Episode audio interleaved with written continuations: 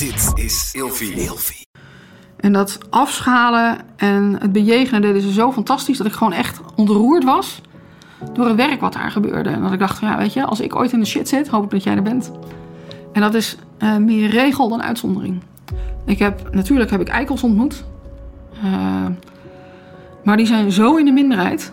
Uh, het merendeel van de Nederlandse politieagenten is echt betrokken bij het werk wat ze doen. Is, heeft passie voor het werk. Heeft ehm, ehm, passie voor onze burgers. Ehm, en ja, dan doet het gewoon goed.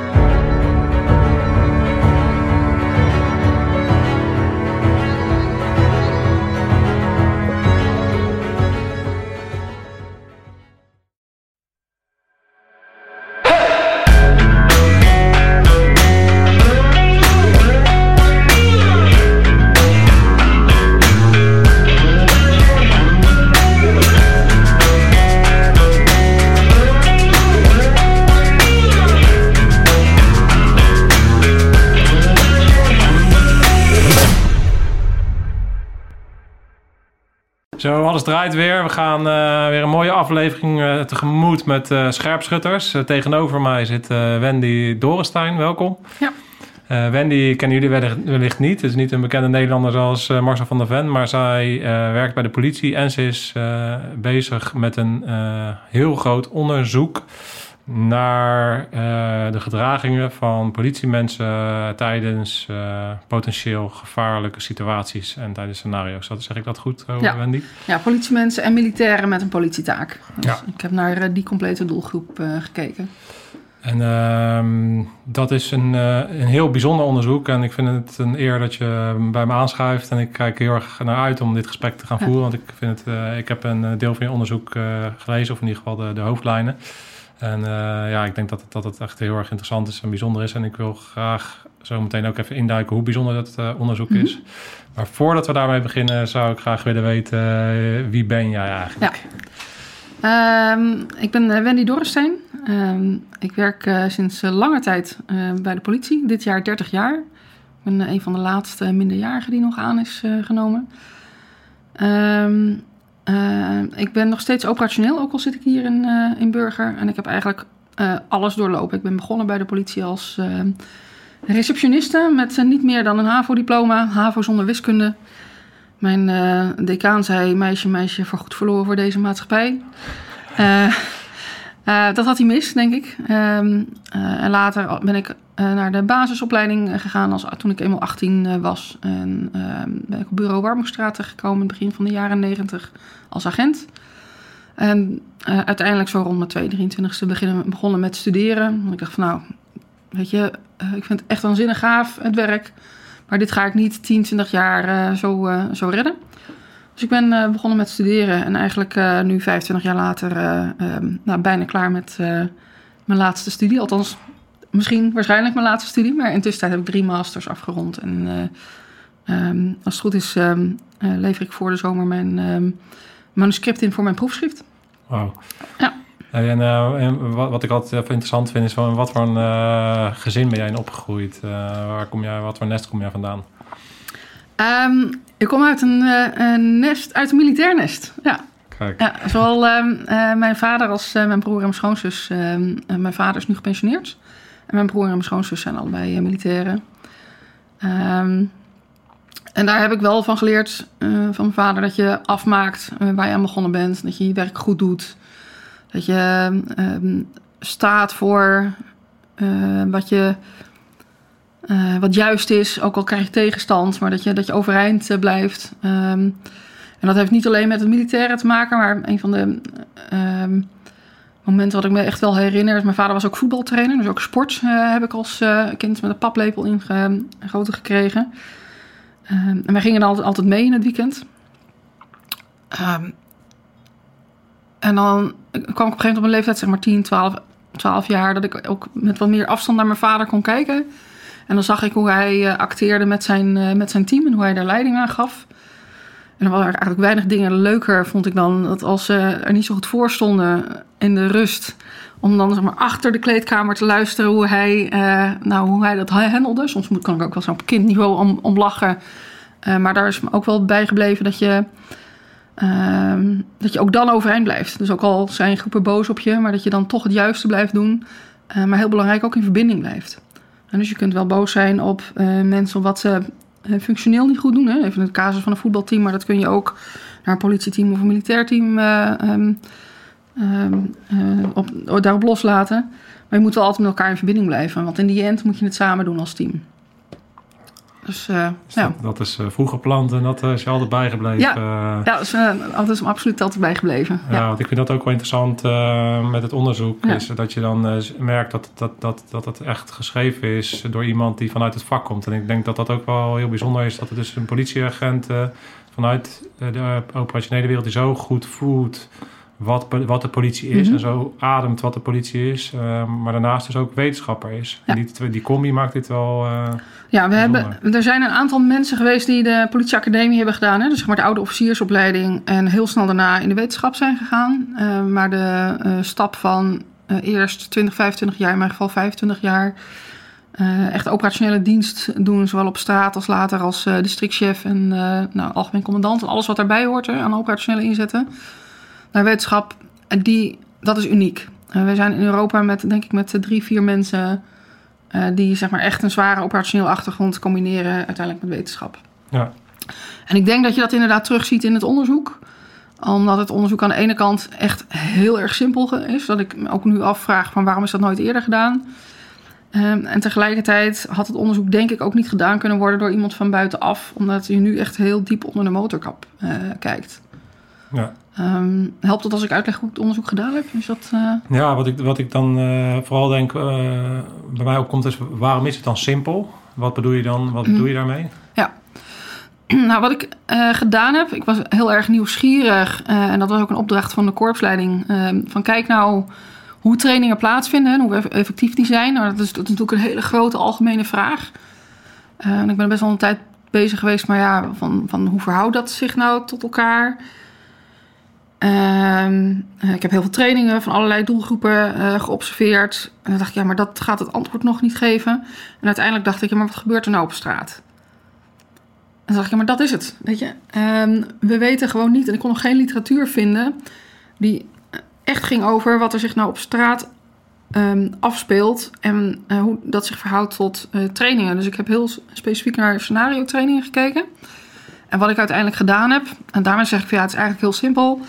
Is zeg maar de tijdlijn tussen het moment dat mensen op straat eh, de melding krijgen, of de, of de briefing hebben, of de opdracht ge- krijgen, tot en met het moment dat de debriefing is afgelopen, dat tijdspadje, daar heb ik gekeken van hoe gedragen ze zich nu. En ehm, toen heb ik gekeken naar ehm, met mij heel veel IBT-docenten die geholpen hebben. hè. Want laat wel zijn, ik ben eh, IBT Nederland heel dankbaar voor de manier waarop ze meegewerkt hebben. Voor de mensen die niet weten wat IBT Oh, is. eh, integrale beroepsvaardigheid in training. Dat zijn zeg maar onze operationeel trainers, eh, onze politietrainers. Ja, Ehm, en ik heb gekeken in scenario training, want de, de aanname van scenario training is dat je ze traint om er op straat beter van te worden.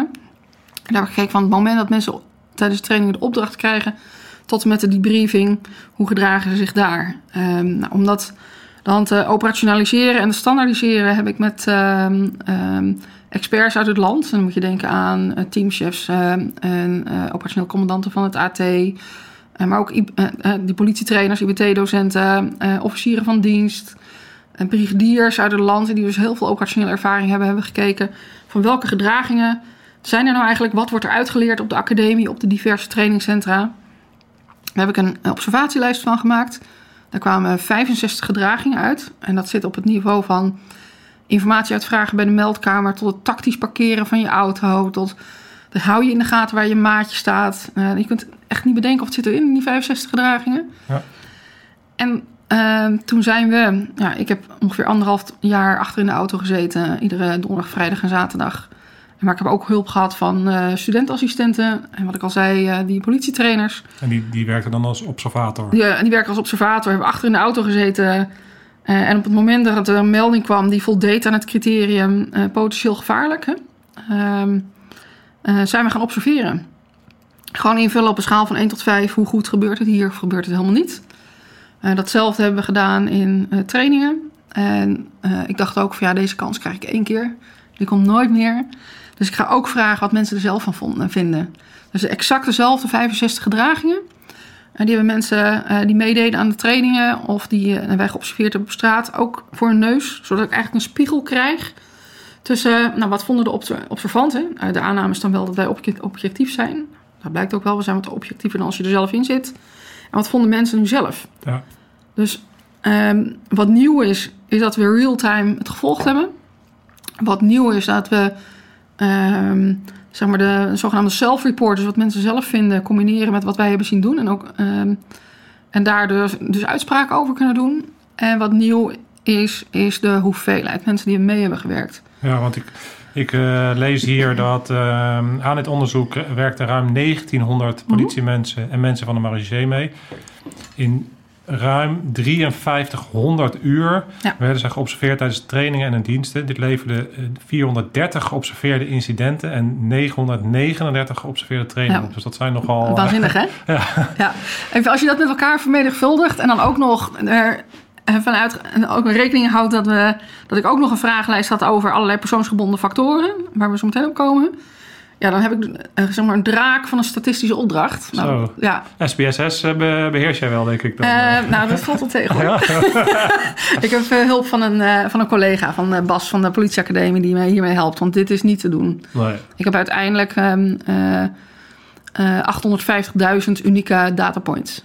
Ja. Als je die, zeg maar, die vermenigvuldiging maakt. eh, Ja, ik, ken SB ik heb ooit in een, eh, in een blauw eh, grijs verleden Ja? heb ik, heb ik, heb ik een studie psychologie gedaan. Ja, Dus ik ken dat SPSS. Nou, ik vond dat echt verschrikkelijk. Dus ik moest meteen denken, nou, als je dat eh, in- in- Ja, invoeren, dan wordt ja het niet zeg maar, de, nu de ultieme berekening eh, die, we, die ik nu probeer, maar dat is pas aan het eind van het onderzoek, die kunnen we niet eens doen met SPSS, want ik kan het programma niet aan. Zo Nee. groot, zoveel data is er.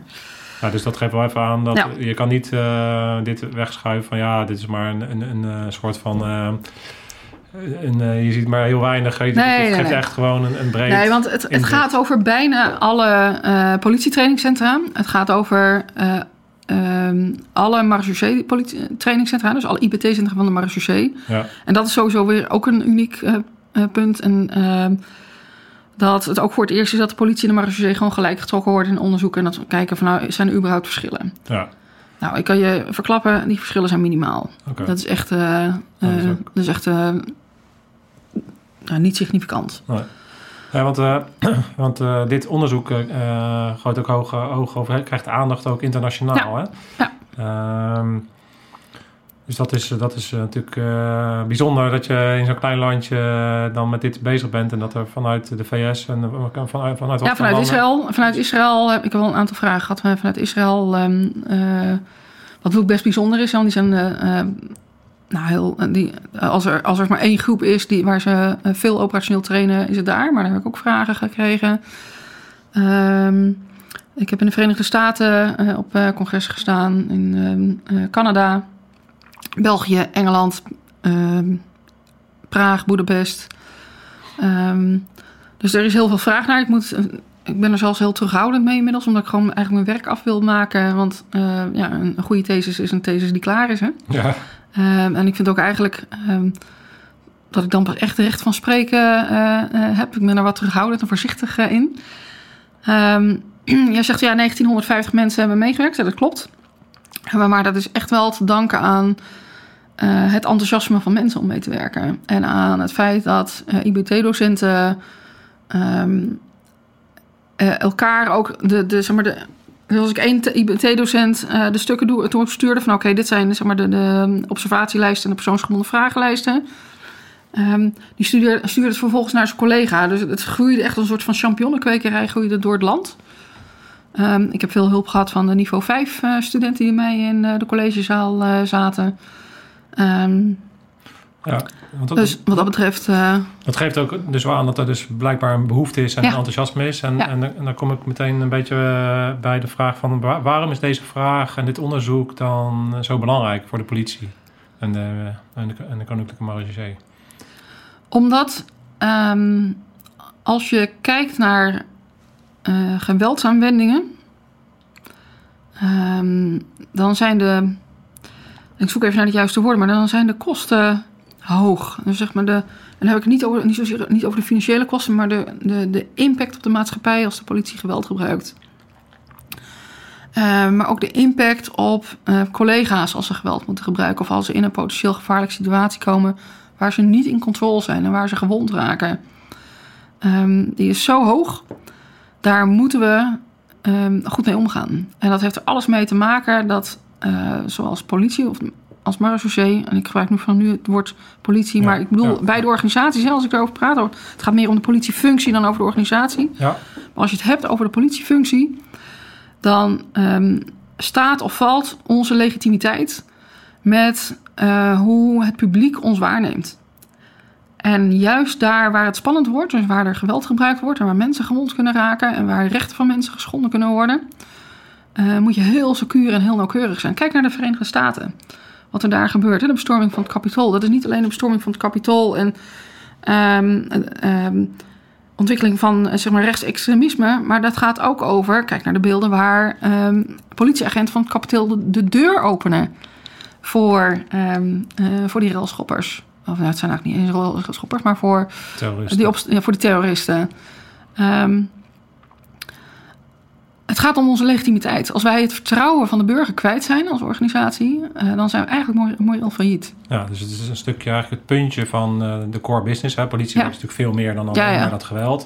Maar het is, uh, het is eigenlijk hetgene wat de politie heel erg in de etalage zet en waar, waar ja. jullie extreem zichtbaar zijn. Het is het, het, is het gladde ijs, het is het dunne ijs en het is het ijs waarop wij uh, de connectie met de burger verliezen. En, en het is ook nog eens een keer het punt waarop het natuurlijk draait om leven en dood en om ja. beschadiging. Dus, dus, dus dat, dat is ook echt waar, waar, waar en de winst van het deescaleren of het oplossen van die situatie en het verlies van als je het verkeerd doet, uh, dat het dodelijk kan zijn. En het verlies aan alle kanten. ja. De, de, de, enorme kosten. Uh, en, en soms hoort het tot de taak om, van de politie om uh, dodelijk geweld te gebruiken. En is er echt geen andere oplossing. Maar we moeten echt uh, met elkaar dan goed dan het debat aangaan dat het dan ook daadwerkelijk de laatste oplossing was. Ja. en niet een fout doordat we um, nou, of niet goed gebriefd hebben of geen goede, niet, niet goed zitten, zitten zeg maar in de, in de lijn met, uh, met leiding geven. Of dat we de informatie de uitwisseling niet goed, niet goed op orde hebben gehad. Ja. Of dat we onszelf niet onder controle hebben gehad. Hè? Want dat is wel de eerste voorwaarde, dat je zelf onder controle hebt als politiemens, als diender. Um, heb jij daar een verklaring voor dat, dat als het dus zo belangrijk is en het is zo onderdeel van eigenlijk de core business van een organisatie. Mm -hmm. En jij geeft aan, ja, eigenlijk is het onderzoek wat ik heb gedaan uh, op een bepaalde manier simpel te noemen, ja. om het even plat te slaan. Heb jij daar een verklaring voor uh, waarom er geen onderzoek uh, zoals dit op deze schaal is geweest en, en daarin het verlengde van wat voor onderzoeken zijn er dan wel geweest? Nou, um, nou ja, een verklaring is dat als ik van tevoren onderzoeksverzoek had ingediend met... oh ja, ik wil 5000 uur observeren... dan was, was dat niet gelukt. ben je niet lekker? Precies. Dan, dan, dan, was, dan was dat niet gelukt. Um, een verklaring is ook dat we... Uh, dat politiewerk meer is dan dit. En het gaat um, om een heel klein percentage van, van het aantal inzetten. We hebben, ik, ik weet de getallen nu niet uit mijn hoofd hoor... maar het gaat om miljoenen inzetten op jaarbasis. Um, en daarmee lijkt het, verwaarloos, um, lijkt het verwaarloosbaar. Je bedoelt miljoenen inzetten zijn het totale aantal inzetten ja. en het inzetten ja, waar jij Als je even kijkt naar de... Um, als je als een politie Nederland even terugbrengt naar, naar een eenheid van twee mensen. Dus een, uh, uh, een dienstauto met twee mensen erin op een noodhulp op een willekeurige plaats. En daarvan rijden er op ieder willekeurig moment tientallen, zo niet honderden natuurlijk in Nederland. Maar die twee dienders tijdens die in een gemiddeld gebied in Nederland, tijdens gemiddelde dienst, hebben die 1 tot 2 potentieel gevaarlijke inzetten per dienst van 8 tot 9 uur. Dat is niet veel.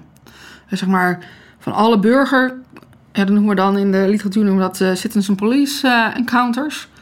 En dus van alle burgercontacten die we hebben.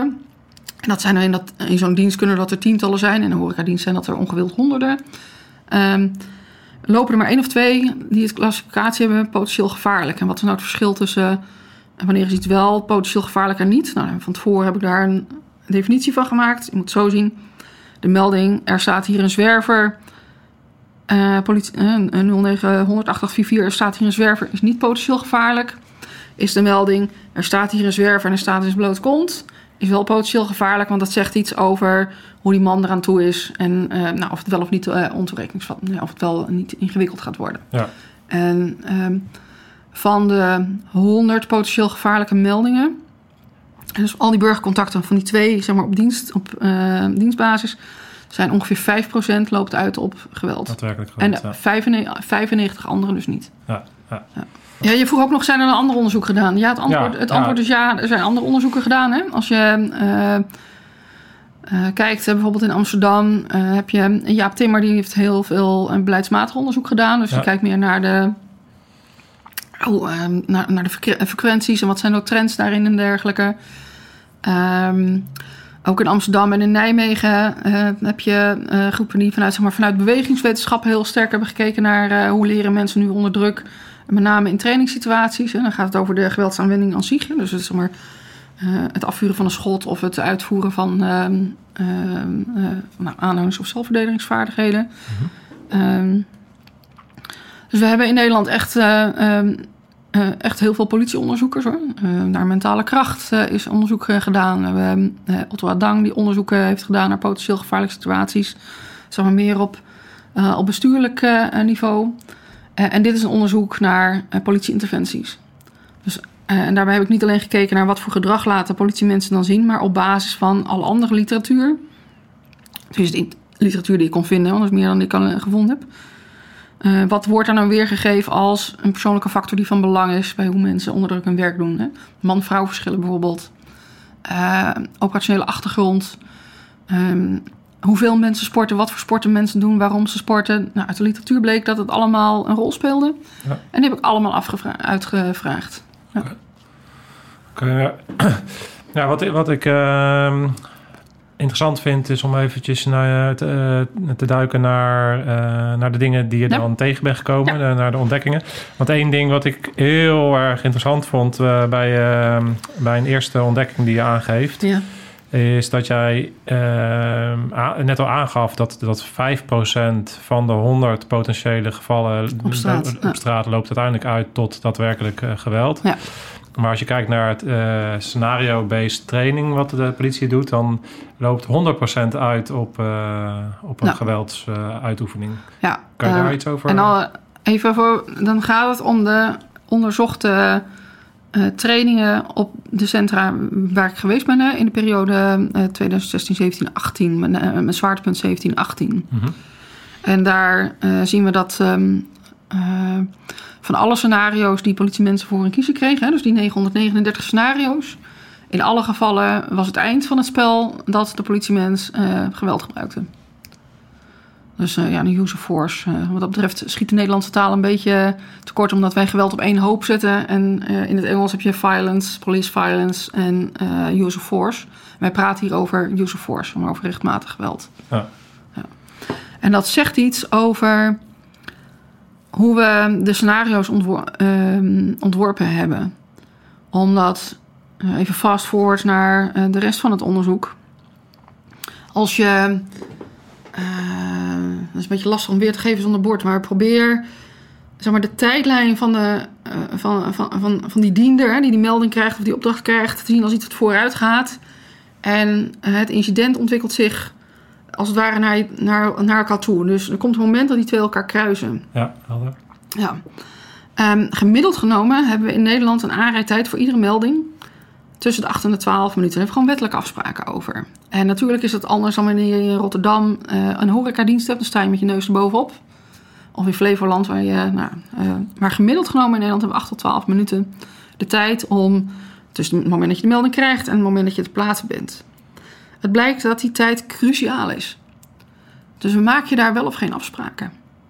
Ehm, een taakverdeling. Hè? Dus weet je, om, hebben jouw maatje en jij hetzelfde doel voor ogen? Ehm, eh, heb je daarbij een taakverdeling? Heb je informatie uitgevraagd nog extra met een meldkamer? Want eh, ja, assuming is the mother of all fuck-ups. Eh, al die aannames die je doet, Ja. die neem je allemaal mee. Die moet je wel checken. Ehm, en nog belangrijker, ben je in staat om dat plaatje wat je meekrijgt van de meldkamer... ehm, te bevestigen of te falsificeren met dat plaatje wat je op straat ziet. Want die meldkamer is ook maar gebeld door eh, iemand in paniek of iemand die belang heeft met, een eigen, een eigen bril. En dan vervolgens gaat de centralist, eh, doet er ook zijn eigen ding mee. Ehm, dus daar, die, die voorfase is, is cruciaal. En wat je vervolgens ziet, is dat we onze mensen niet voldoende kans geven om, in ieder geval in de training die ik geobserveerd heb, om die voorfase ook te gebruiken. Waardoor ze niet in staat zijn om de angel uit het incident te halen. Uh, wat nou juist voorkomt dat ze geweld hoeven te gebruiken, of wat juist zorgt dat ze heel effectief geweld kunnen gebruiken. Ja. Maar dat ze in die end uh, bijna letterlijk met hun rug tegen de muur staan. Want het gaat niet alleen om de 100%. Het gaat ook om dat in van die 100% er meer dan 70% uh, worden, worden er één of meer, meerdere schoten gelost. En meer dan 70% van die 70%, van die 70%, dus als je dat met elkaar vermenigvuldigt, krijg je een getal wat gelijk is aan 50% of meer, zijn het zelfs noodweerschoten.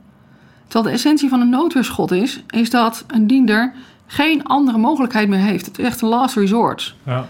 Ja, ik vind het interessant, omdat we in deze podcast hebben we natuurlijk eh, regelmatig gehad over een voorwaartse mindset. Ja. En ook over het principe dat geweld nooit uit het niets komt. Helemaal eens. Er is altijd natuurlijk een, uh, zoiets van, ja, ineens... Ja, maar dat is echt... Ging iemand slaan, maar er zijn zoveel pre-cues eigenlijk voordat ja. er geweld gebruikt ja. wordt. En dat, dat heeft hier ook mee te maken, hè, met dit. 100 procent. En wij helpen onze mensen heel goed uh, ik moet soms even naar woorden zoeken, want ik wil, ik wil mezelf nou, nauwkeurig uitdrukken. Maar we uh, zouden ons mensen echt helpen als we de, de, de keys of de cues uit de werkelijkheid kunnen omzetten in een training. En als we mensen dus ook in trainingen belonen voor het feit dat ze um, de angel uit het incident kunnen halen. Zonder en, geweld te gebruiken. Zonder geweld te gebruiken, want dat, is, dat is altijd het doel. Ja. Um, en dat betekent niet uh, dat we de scenario trainingen altijd geweldloos moeten laten zijn. Of dat moeten zeggen, nou ja, in de praktijk is het 5%, dus de scenario trainingen ook 5%. Helemaal niet. Nou, je moet kijken naar de, naar de werkelijkheid. En dus als we de juiste pre-cues doen, ja. dat ze dan beloond worden met het feit dat ze geen geweld hoeven te gebruiken. Precies, en dan kun je altijd nog zeggen, uh, jongeman, jonge dame, 100 punten. U was, sneller, uh, u was uh, slimmer dan de ontwerper, u heeft het goed gedaan. Maar by the way, we willen nog wel zien hoe jij vecht als je met volle bepakking loopt in een straat. Dus we doen het scenario nog een keer. Wat je ook doet, uiteindelijk wordt het knokken. En kom op, ga ervoor. Ja, dan, dan, dan, richt je het knokmoment op een andere manier ja. in. Dan is het een vaardigheid die je moet doen, daadwerkelijk. Ja. Maar dan, dan kan ja, in plaats van wat je, wat je nu toch wel ziet, hè, en ik, daar maak ik mezelf ook schuldig aan. ik IBT zelf ook nog. Als je een en dan vlak voordat je, zeg maar, voor jij dan het scenario in moet, de PPV, uh, of de, de, de, praktijkstraat of PPV-straat of de operationele straat, hoe je hem ook noemt. Dan kijk je toch even, en zeker ik, want ik kom bijna niet meer op straat. Nou, doe mijn handboeien nog of staan ze toch ongeluk toch op slot, want dan sta je toch wel voor een paal. Ja, een van mijn handboeien knopjes, die, uh, het, van de drukkers van mijn handboeihouder, die uh, zit altijd klem. Dus ik maak ze altijd even eentje los, want anders red ik dat niet zeg maar met één hand onder druk. En dat zie ik collega's ook doen. Als je pepperspray er nog Oké, nou we gaan ervoor. Ja, dat wordt de mindset. Dat is, dat is toch zonde? Ja. Uh, terwijl de stress, je kunt de stress ook heel hoog op laten lopen als je het alleen maar met praten doet. Ja. Ja, zou, uh, nou, wat ik dan denk is, ja, dat is op zich goed. Want ik denk dat je die dingen moet checken en dat je ja, altijd gereed moet zijn voor het geweld. Ja, klopt. Maar het moet niet een soort van de, de, de het automatisme. Het, ik, ik ga, het automatisme, ik ga de straat in, dus nou, ik weet je, ik, mag, ik ga waarschijnlijk altijd speelgoed gebruiken. En je ziet dat daarmee de geloofwaardigheid um, van scenario's afneemt. Um, en dat collega's daarmee zich dus ook verschuilen. Hè? Want dat, dat, wordt het, dat wordt het ook. Hè? Um, verschuilen, ja, weet je, het, het, is niet, het is niet representatief, het is niet zoals het echt gaat. Dus, uh, nou, we doen, we doen niet mee, zeg maar. Of, we zijn er wel, maar we doen mentaal niet mee. En je wil juist dat mensen open zijn om te leren. Dat mensen fouten durven maken. Dat is ongelooflijk belangrijk. Mensen moeten echt de domste dingen kunnen doen in een training. En ik wil eigenlijk toe naar een situatie, en dat zie ik om me heen hoor, want ik zie echt al fantastische IBT-docenten die dat, dit ook heel goed snappen. Maar je wil eigenlijk dat uh, die man of die vrouw die komt trainen tegen die, uh, tegen die trainer zegt van... nou weet je, hier wil ik aan werken. En dan kan het over informatieverwerking zijn, of dan kan het over doorpakken zijn, of dan kan het over actieintelligentie zijn. Ja, inderdaad, dat je, als, je, als je die aanloop naar potentieel geweld. Eigenlijk heb je dan mm -hmm. een aantal fases. Heb je de aanloop naar, dan heb je het moment dat het daadwerkelijk uh, potentieel gevaarlijk is. Ja. En dan heb je de, na, de, de, de afronding eigenlijk ja. van. Hè? als je in die fases, als je daar dus nog meer detailfasering in aanbrengt, dan kan je op een gegeven moment ook bij jezelf zien van, ja, ik ben eigenlijk wel goed in het knokken. Ik, ben, ik heb achtergrond in dit en dat. En, en, daar voel ik me veilig. Maar eh, ik heb vaak dat als we dan die melding krijgen, dat ik dan niet eh, het overzicht kan krijgen van hoe ga ik zo Ja. meteen handelen bijvoorbeeld. Ik noem maar Ja. een voorbeeld. Dus dat je ook in, in bepaalde stukjes meer aandacht kan krijgen eh, Ja. bijvoorbeeld. Hoe, hoe, hoe kijk jij daarnaar? Eh, en dat betekent echt niet dat je een lesplan op de, op de, op de man hoeft te hebben. Ehm, maar ik zou wel toe willen naar een situatie waarbij mensen zeggen van... nou weet je, dit is mijn zwakke kant. Eh, laten we het nu anders... eh, eh, ja, ja, bied mij iets aan waarbij ik dat kan trainen. En ehm, ehm, ja, dat verschilt per persoon, maar dat verschilt ook per persoon per moment. Dat verschilt per persoon per, eh, per levensfase. Ja. En dat, daar spelen ook die persoonsgebonden eh, factoren een rol in. Je ziet echt verschillen tussen eh, jongere collega's en collega's boven de, boven de 40. En dat heeft alles te maken met onze biologie. Ehm, eh, je ziet ver- verschillen tussen mannen en vrouwen. Ook dat heeft te maken voor een deel met, met biologie. Je ziet verschillen met operationele achtergrond. Ehm, Ja, dus dit is, dit is heel interessant. Kijk, ik, heb, ik heb een aantal weken terug heb ik een gesprek gehad met twee jongens eh, die leiden in een eh, s- sportschool eh, mensen op om uiteindelijk te gaan solliciteren bij bijvoorbeeld cool. een speciale Ja. eenheid. ja? En zij bieden dan ID-coaching aan. Dat zijn de jongens van RPTC. Hmm. En ik vond dat, eh, wat ik heel erg interessant vind van hun aanpak, is dat zij inmiddels wel doorhebben van ja, als jij tien mensen voor je hebt staan en die willen allemaal politieagent worden, je kan niet zeggen van hier heb je allemaal het, het schema om politieagent te worden. En- opdrukken. Ja. En, en, dan, en dan gaan we allemaal die keuring even halen. Nee. dat, dat werkt gewoon niet zo. En dat is natuurlijk exact hetzelfde principe eh, waar jij het nu over hebt. Van, ja. het is natuurlijk een grote organisatie. Het is super moeilijk om maatwerk te leveren in bepaalde trainingen. Maar als jij het beste resultaat wil hebben in zoiets wat dus om leven en dood gaat, dan moet je op dit niveau gaan, eh, gaan werken. En maatwerk zit hem in details. Zit hem niet in eh, dat jij een heel ander scenario krijgt dan ik. Eh, maar dat zit hem in eh, de bejegening tussen jou en mij. En dat zit hem in eh, de bejegening tussen mij vandaag en mij twee weken geleden. Ehm, eh, en mijn leerbehoefte nu kan een andere zijn dan, dan drie maanden geleden. En dat zit hem in wat voor uitdagingen ehm, eh, krijg ik. Ik heb eh, tien jaar heel actief aan Krav Maga gedaan. Nou, weet je, als ik naar IBT kwam, was er eigenlijk niks mooiers om te laten zien dat deze commissaris toch kan vechten. Hè? En dan tot verbazing van de collega's en ook soms verdachten op straat. Eh, nou, die tijd ligt nu achter me. Eh, ik kan nu lullen als brugman. Dus nou, laat ik zo zeggen, als ik nu naar scenario zou gaan. eh, en ik heb een, en dat geldt ook voor mij, en ik heb een eh, IBT-docent waar ik me bij mijn gemak voel. Nou, dan zeg ik inderdaad van, nou, misschien moet het nu maar eens een keer wat spannender worden. Want ik lul, zeg maar, iedereen gaat in de sokken. Dat trucje kennen we nu. Maar ik mo- moet weer terug naar wat ik toen kon. Dus dat heeft te maken met... Maar daarmee is scenario niet anders. Dan heb je niet maatwerk van... oké, dan moeten we dus als we 30 mensen hebben... 30 programma's hebben. Nee, je kijkt naar... eh, wat heeft die mens nodig? En ehm, dat is niet een van de ge- groot geheim waar je naar moet raden. Maar je moet er naar streven dat de relatie tussen... eh, trainer en trainee of docent en pupil zo is... dat die ander er automatisch mee durft te komen. Ja. Nou, ik, ik, ik hoor nu ineens zo'n eh politie gaan. Ik eh, train ook wel eens eh, Ja? politiemensen. En ehm, die hoor ik dan al zeggen van... Ja, is allemaal heel erg leuk en aardig. Ja? Maar er is geen tijd voor. En we krijgen maar zes uurtjes eh, per jaar eh, dit en zus. Eh, dus, dus het is allemaal... De realiteit is anders dan, eh, dan dit verhaal. Ja. Hoe, hoe, hoe zou jij daarop reageren? Ehm, dan zeg ik, nou klopt, we hebben inderdaad maar een, een beperkt aantal uren. Maar we moeten ook de hand in eigen boezem steken als organisatie... om eens kritisch te kijken van wat doen we dan in die, in die beperkte aantal uren... en hoe vullen we ze in. Dus wat is de training content? Komt wat, wat, de inhoud van wat we trainen, komt dat overeen met wat we, eh, de problemen die we buiten tegenkomen? Daar kunnen we al een hoop verbeteren. Ehm, maar ook eh, daarbinnen, we hebben in, in werkvormen kunnen we veel creatiever zijn dan dat we nu zijn. Hè? Ehm, IBT is, eh men is niet aardig om te zeggen, maar het is wel waar, is ook nog heel veel wachten. Eh, op, wachten op elkaar. En ehm, eh, we zijn allemaal volwassen, we betalen allemaal onze hypotheek en huur.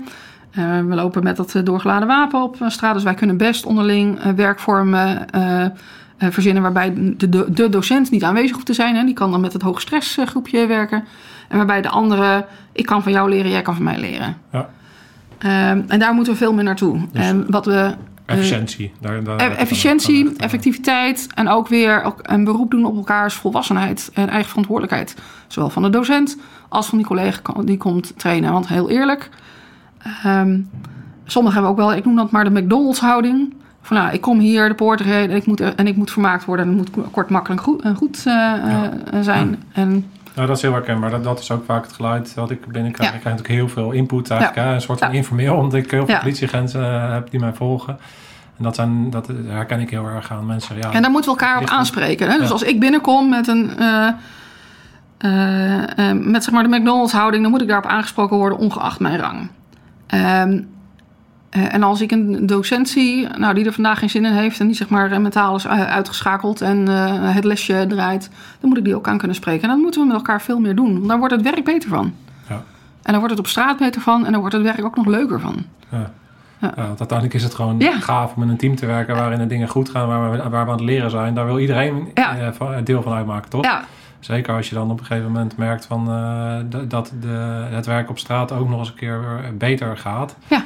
En eh, je betere resultaten boekt. Ja, dat Ja. is, eh, Ja, en in mij zit nog steeds, hè, 30 jaar later, is er nog steeds die enthousiasme, enthousiaste asp- aspirant. ja, Ik ben nog steeds bevlogen voor dit werk van onze mensen en voor, voor waar wij voor staan. Ja, dat, merk, dat voel je ook Ja. wel. In, eh, Ja. Ook in de, de manier waarop het eh, onderzoek leest en, Ja. eh, en hoe je ze hier zit te vertellen. Dus dat, is, dat is wel mooi. Dus daar, eh, ik hoop dat de politie daarin dat ook ziet en daarin breed gaat. Jawel, zoveel credits geef ik, hè? wel. En, en de Kmar ook, hè? Want het wordt ja, waarschijnlijk... ja, maar we noemen de politie gewoon als, als als- oh, ja. Hey, eh, even kijken, je, hebt nog meer ontdekkingen natuurlijk. eh, Ja, eh, Ik, ik lees even mee hoor, want... Ja. ja. meerdere ontdekkingen gedaan. Ehm, gedrag van politiemensen en militairen met een politietaak laat zich op de tijdlijn van melding tot debriefing de- klassificeren Ja. in een aantal factoren. Kan je daar wat meer over, Ja. over vertellen? Ja, dus neem even in acht dat tijdlijntje met die 65 gedragingen. Die hebben we dan eh, eh, al die keren geobserveerd. Hè?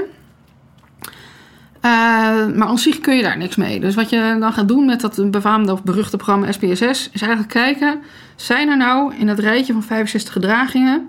gedragingen die statistisch gezien bij elkaar horen. Dus bijvoorbeeld als je hoog scoort op gedraging 1... zijn er dan nog gedragingen die waar je automatisch ook hoog op scoort... of misschien wel automatisch laag op scoort. Dat noem je factoranalyse. Nou, die factoranalyse heb ik gedaan. En toen ontstonden er hele mooie eh, groepjes met eh, ja, een hele mooie statistische waarden die aangeven dat het, dat het dik vet voor elkaar is, zeg maar. Ik zal je niet bemoeien met de termen. Ehm, eh, ja, en die groepjes, daar, daar zitten een aantal pareltjes tussen. Want wat ik bijvoorbeeld zie, is dat... we hebben ook gevraagd naar stressgedrag. Hè? Dus hebben mensen stress ervaren in de voorfase, in de tijdensfase en de nafase. Zien we dat het heel consistent is.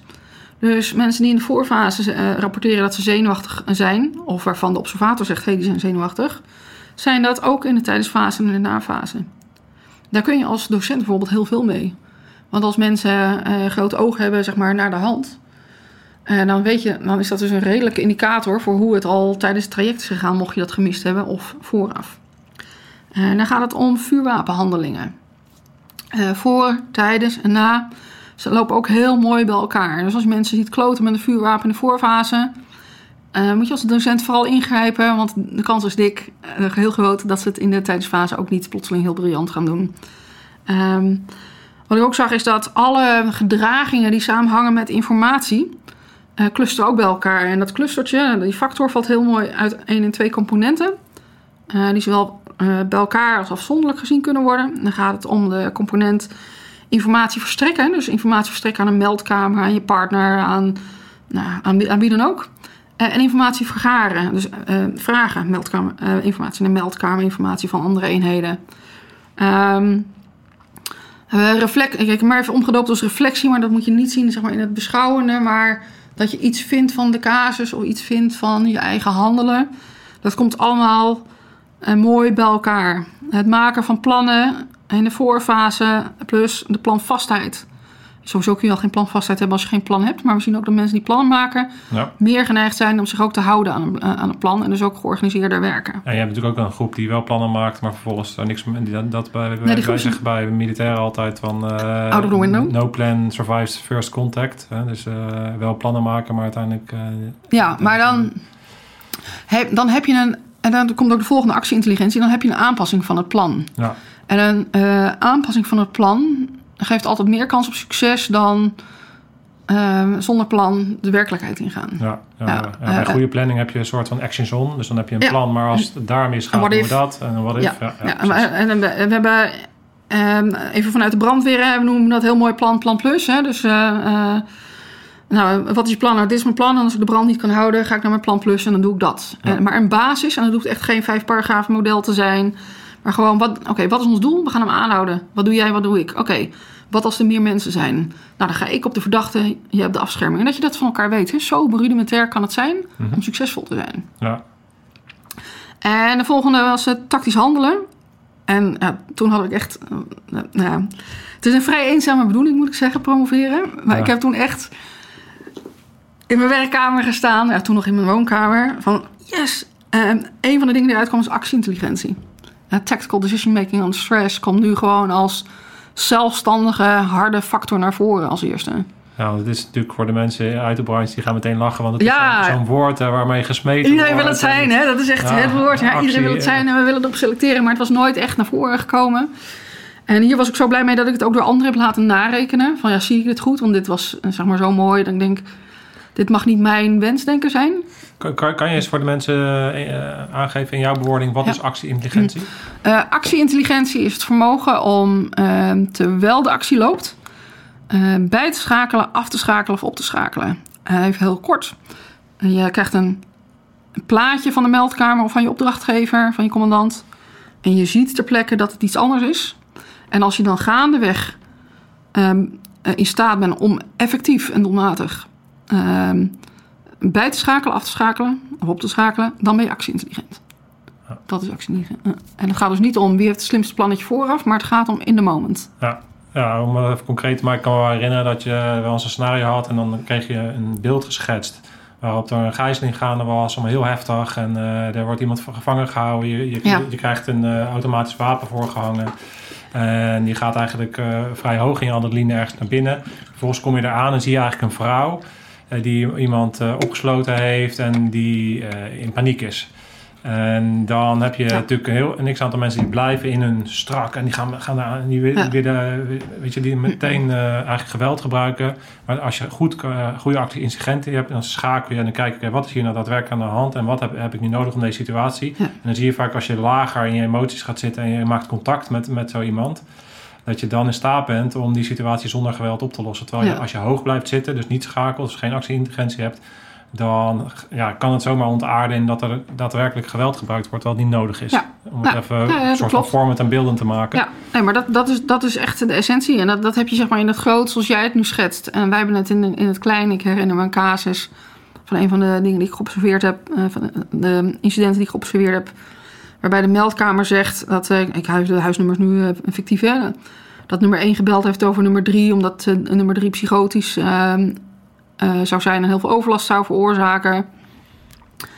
We komen ter plaatse, dat groepje splitst zich op... Ehm, of dat groepje, die twee dieners splitsen zich op. En ik ga dan altijd mee met het hoogste risico, want dat was mijn werk, risico observeren. Dus ik sta bij nummer drie. Ik denk, nou weet je, het is wel een beetje warrig, maar volgens mij is deze niet een, psycho eh, psychose. Ik heb toch wat meer afstand van mijn werk. En ik zie de collega helemaal meegaan en sociaal. En ik denk, nou, ik ga eens even bij de andere kijken. Eh, dus ik eh, loop naar nummer één en ehm, en daar zie ik de collega een heel serieus gesprek. En de mindset van de collega was, dit is een gezond mens. Nou, blijkt dat de meldkamer de nummers omgewisseld heeft. En je mindset bepaalt eh, dat je ziet eh, wat je wil zien en wat je verwacht te zien. En ehm, onder actie-intelligentie zitten er natuurlijk een heleboel dingen. Daar, daar zit ook situational awareness. Eh, ben je in staat om de keys waar we net over hadden goed te duiden? Ehm, dus, dus niet alleen waar te nemen, maar, maar ook op waarde te schatten en, en daar gevolgtrekking aan, eh, de juiste gevolgtrekking aan te doen. Eh, en daaronder zit weer dat je stressbestendig moet zijn. Hè? Want als je al zeg maar rabbit by headlight bent, dan, dan wordt het dan niks onder druk. Ja. En dat geldt voor 15% van de bevolking. Die zeg maar onder druk constant het verkeerde doet. Waarbij we ook onder de MRI alleen maar vuurwerk zien omdat ze het gewoon niet meer weten onder druk. Ehm, en 15% doet het eh, van, van nature heel goed. En 70%, een deel van de 70% kunnen we trainen. Ja, dat is, dat is natuurlijk heel is interessant. hè. Dus dat Ja. geeft eigenlijk aan, dat, eh, om het even bijvoorbeeld vanuit het licht dus een, eh, of je geschikt bent, zou dus eh, daar is een deel heel erg geschikt en een deel is totaal niet geschikt. En het grootste deel is trainbaar. Want dat is natuurlijk een, ja, een deel van, van die. Hè, wij weten op biologisch niveau. Als het gaat om effectief omgaan met stress. 15% van de mensen heeft kortsluiting dan in het hoofd. eh, heeft plat gezegd. eh, nou, daar kunnen we niet zo heel veel melden, zeg maar, in de operationele diensten. 15% doet het van nature fantastisch. Eh, en dan hebben we nog 70% en een deel van de 70% kunnen we trainen. En een deel ook niet. Oké. Het heeft want actieintelligentie is trainbaar, mits je al op een bepaald basisniveau zit. Dus als jij van nature, ik vind het lastig om er cijfers aan te hangen, maar stel nu dat je van nature al op een, een 6 zit, hè? dus je, stress, je optelsom van je intelligentie, je stressbestendigheid en je, nou, eh, dan kunnen we met training kunnen we een 8 van je maken, misschien wel een 9 als we heel goed trainen. Maar zit je onder die grens, ben je van nature een 5,5. Ehm, dan kunnen we je met moeite trainen naar een 6. En het is bij selecties van belang om ja, die 5,5 van die 6 eh, te onderscheiden. Ja. Ja, en dat maakt het natuurlijk eh, ook dat er nog steeds speciale eenheden eh, vaak tekorten hebben. En, Ja. eh, maar, maar bij politie... Ja, die haal je sowieso uit de 15 hè? Ja, ja, Ja, dus dat- d- dat- daar, daar kom je niet doorheen Ja. tenzij je bij die 50% en dan zit dat is wel echt Ja. wat je zegt. Als de tests goed zijn, dan, eh, en dat zijn ze in Nederland, we hebben in vergelijking met de ons omringende landen testen we goed, dan kom je daar niet doorheen. En even een selectiefout, ja, dat is een nare uitdrukking, maar eh, kan altijd gemaakt worden. Hè? Zowel zeg maar, eh, vals positief noemen we dat dan. Als iemand er tussen komt eh, die er niet ertussen moet zitten. ja. Want iemand kan ook een geweldige dag eh, hebben. Je kunt net- misschien net niet zijn zwakke kant eh, triggeren. Maar de meeste selecties, als je kijkt naar de, de meerdaagse trainingen, zitten zo wel in elkaar dat, dat we eerder nog mensen afwijzen die geschikt zijn. Dan dat we mensen aannemen die ongeschikt zijn. Ja, ja. Ja, ik vind dit wel belangrijk omdat ik ook heel veel luisteraars heb die natuurlijk wel de ambitie hebben ook Ja. om eh, naar dat soort eh, eenheden te gaan. En ik denk dat het heel belangrijk is om dat besef mee te nemen van jij moet vanuit je eigen sfeer van invloed er alles aan doen om fysiek en mentaal klaar te staan. Maar uiteindelijk moet je wel die stap maken om die test te gaan doen. Want je kan 100 jaar blijven voorbereiden. Maar als jij eh, vanuit je biologie al bij een groep zit... dat je eigenlijk nooit bij zo'n eenheid kan komen... dan heb je heel veel werk gedaan... waarop je misschien jezelf op een andere manier had kunnen ontwikkelen. Ja, en er, er heerst een beetje een taboe op. Hè? Ehm, alsof het, eh, van ja, het, het is allemaal maakbaar. eh, en het moet allemaal maakbaar zijn, maar dat is natuurlijk niet zo. Eh, kijk, ehm, en dan pak ik toch even mezelf erbij. Ehm, ik ben lang voor een vrouw. Ik ben 1,81 meter. en ik ben ze nu zeker niet afgetraind. Maar van nature heb ik heel veel spieren. En mijn motoriek is ook niet helemaal fantastisch. Dus even balletdansen eh, is voor mij nooit een optie geweest. Waarom niet? Omdat ik 1,81 meter ben en nou, een bepaalde bouw heb. En er is geen hond die tegen mij zegt... nou, weet je, we gaan je net zo lang op dansles doen... totdat je naar de balletacademie kan. Had gekund, hè, 20 jaar geleden. Eh, dat is niet leuk voor mij, dat is niet leuk voor het publiek... en daar hebben we allemaal vrede mee. Eh, omdat ik fysieke beperkingen heb. En, maar dat accepteren we dus wel over als we het hebben over balletdansen... of over profvoetbal. En op de een of andere manier wordt het als het gaat om... eh, operationele diensten, en met name het, speciale, het specialistisch deel van operationele diensten, wordt het ja, maar als je maar flink traint, dan is het allemaal maakbaar. Maar dat, dat is niet zo. En het effect ervan, als je het net wel kan, hè, of net niet, stel dat je het net niet kan eigenlijk van nature, en je gaat heel hard trainen om dat toch te, eh, toch te doen. Eh, en het gaat eh, niet alleen om actieintelligentie, maar ook om eh, eh, je resilience, hè, dus je, je veerkracht.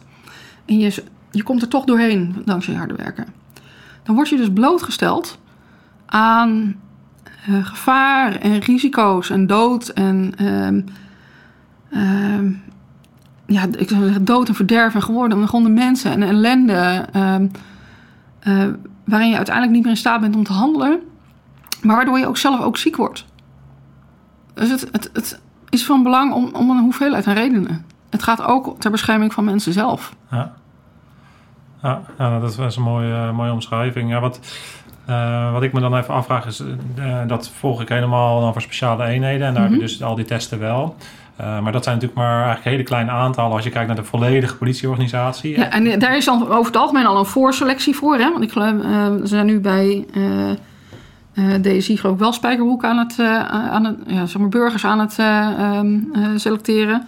Maar een merendeel van de specialistische dienst komt voort uit mensen die al een selectie hebben gehad. Die al een opleiding hebben gehad, die al ervaring hebben gehad. Die, die zijn al zo door zoveel zeefjes eh, eh, gegaan. Ja, Ja.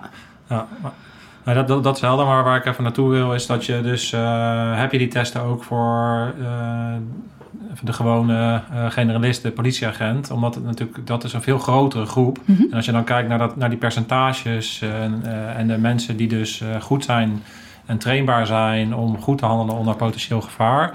Ehm, hebben we dan binnen de politie eh, genoeg mensen die in die eh, groep vallen? Ja. Als je. ehm,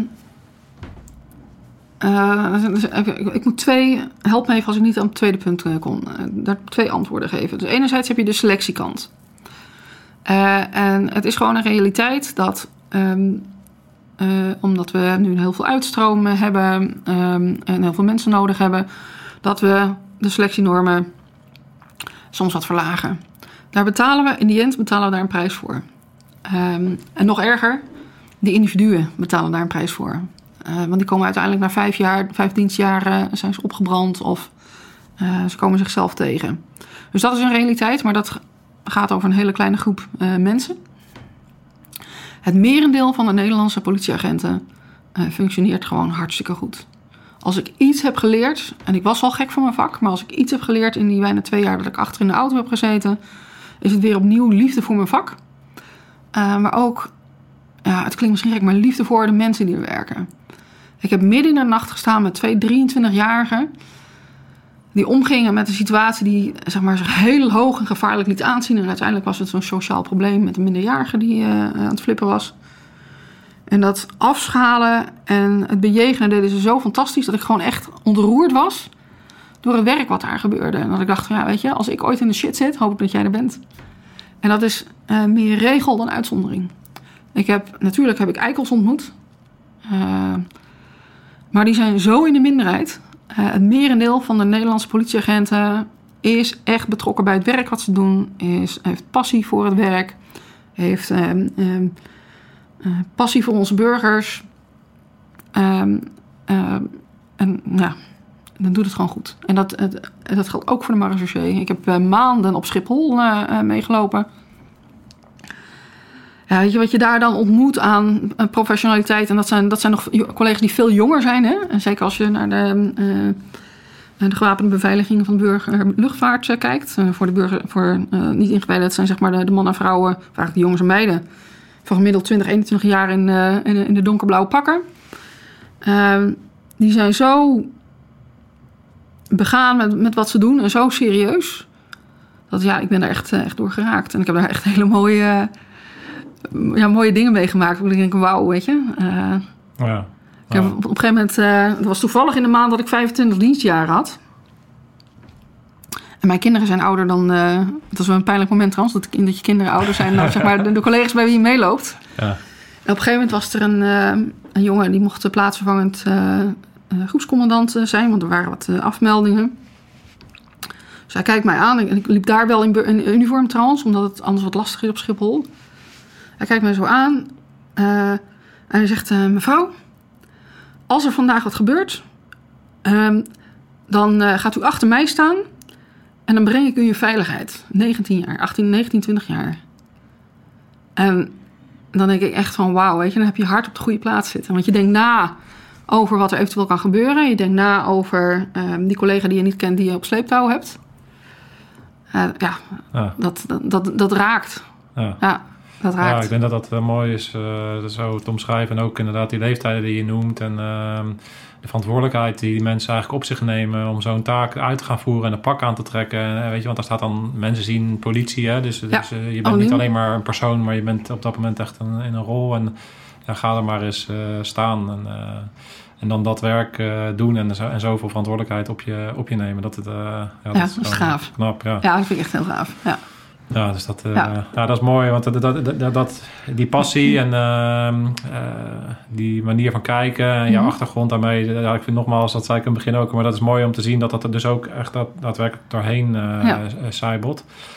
wil ik daarover ook wel een kritische vraag stellen. Ehm, denken dat je daardoor, door juist door die passie en, en die achtergrond die je hebt, dat je daardoor misschien ook soms een wat rooskleurige bril hebt opgehad tijdens het onderzoek en hoe heb je je daartegen beschermd?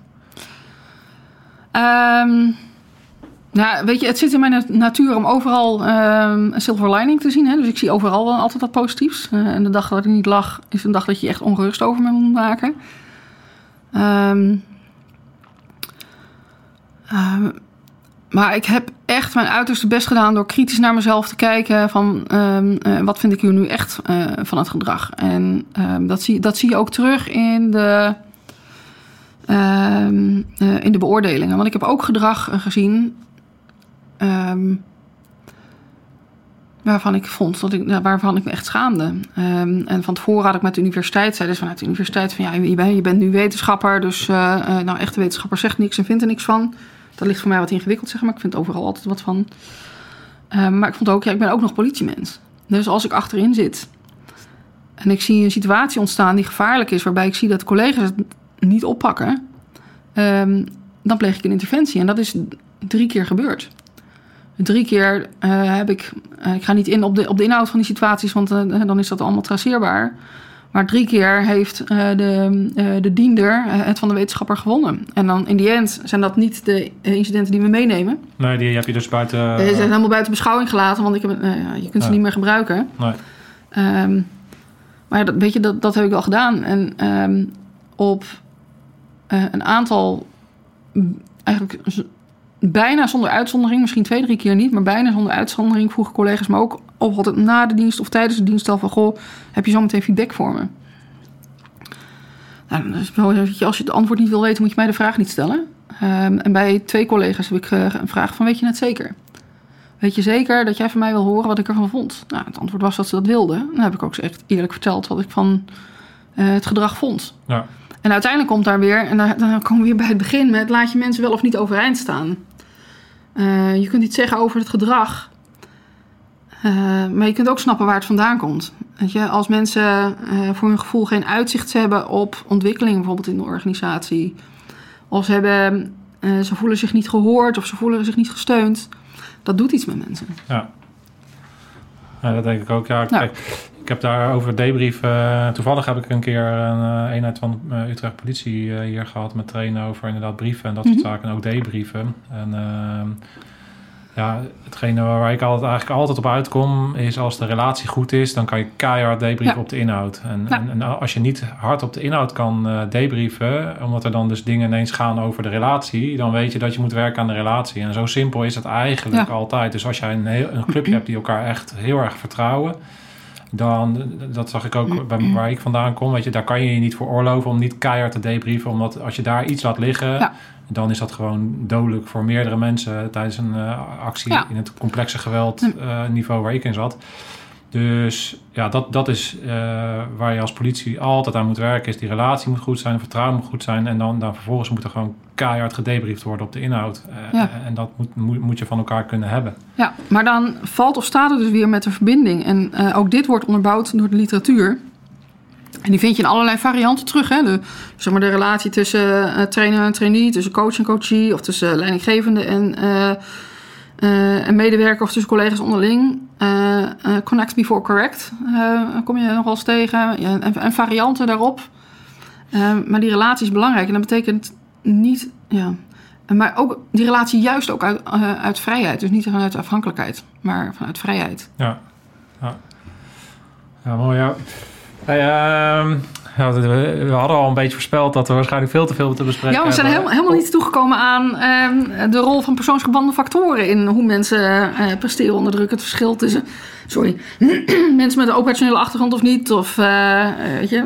Nee, dus, dus ja. er zijn wel meer dingen. Ik, ik wil hem nu nog niet helemaal stoppen, maar we gaan, ik, de, ik denk dat we er goed aan doen om, om daar wel een deel 2 aan te -hmm. plakken. Want ik vind ja. het echt heel erg interessant, omdat het zoveel dingen soort van samenvoegt van, van mijn afgelopen 85 uh, afleveringen ja. die er ook zijn geweest uh, van deze podcast. Dus mm -hmm. bij deze kijkers gaan we straks afronden, maar gaan we zeker Wendy nog een keer ja. terugzien. Ja, en als mensen vragen hebben, dan kunnen ze die ook gewoon stellen. En dan kan ik die voorbereiden en, en meenemen ja. om gewoon te beantwoorden.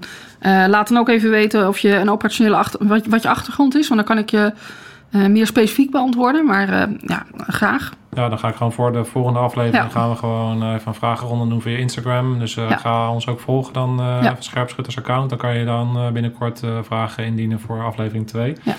Ja. waar ik nog wel heel veel op in wil gaan, is wat ik interessant vind, is jij hebt ook een ontdekking gedaan over de samenhang van in control zijn uh, met uh, proportioneel en subsidiaire ja. afhandeling. Kan je daar wat meer over vertellen? Ja, ik denk dat we echt... Eén moment, hm? ja. Ik denk dat het ook iets is om volgende week, volgende keer op terug te komen. Maar even in het kort uh, moet je het zo zien. Dus als je dan naar die gedragingen kijkt, naar die factoren... je kijkt met wat meer afstand naar wat daar op straat of in trainingen gebeurt... heb je eigenlijk drie manieren van, van control. Hè? Want de ultieme vraag is natuurlijk, wie doet het nou goed... He, dus is het probleem opgelost dankzij ons, dankzij de politie? Of analoog aan de brandweer ging de brand uit dankzij ons. En gebeurde dat op proportionele en subsidiaire wijze. Dan zie je eigenlijk drie fasen van drie manieren van control. Dat is, eh, is iemand in controle over zichzelf?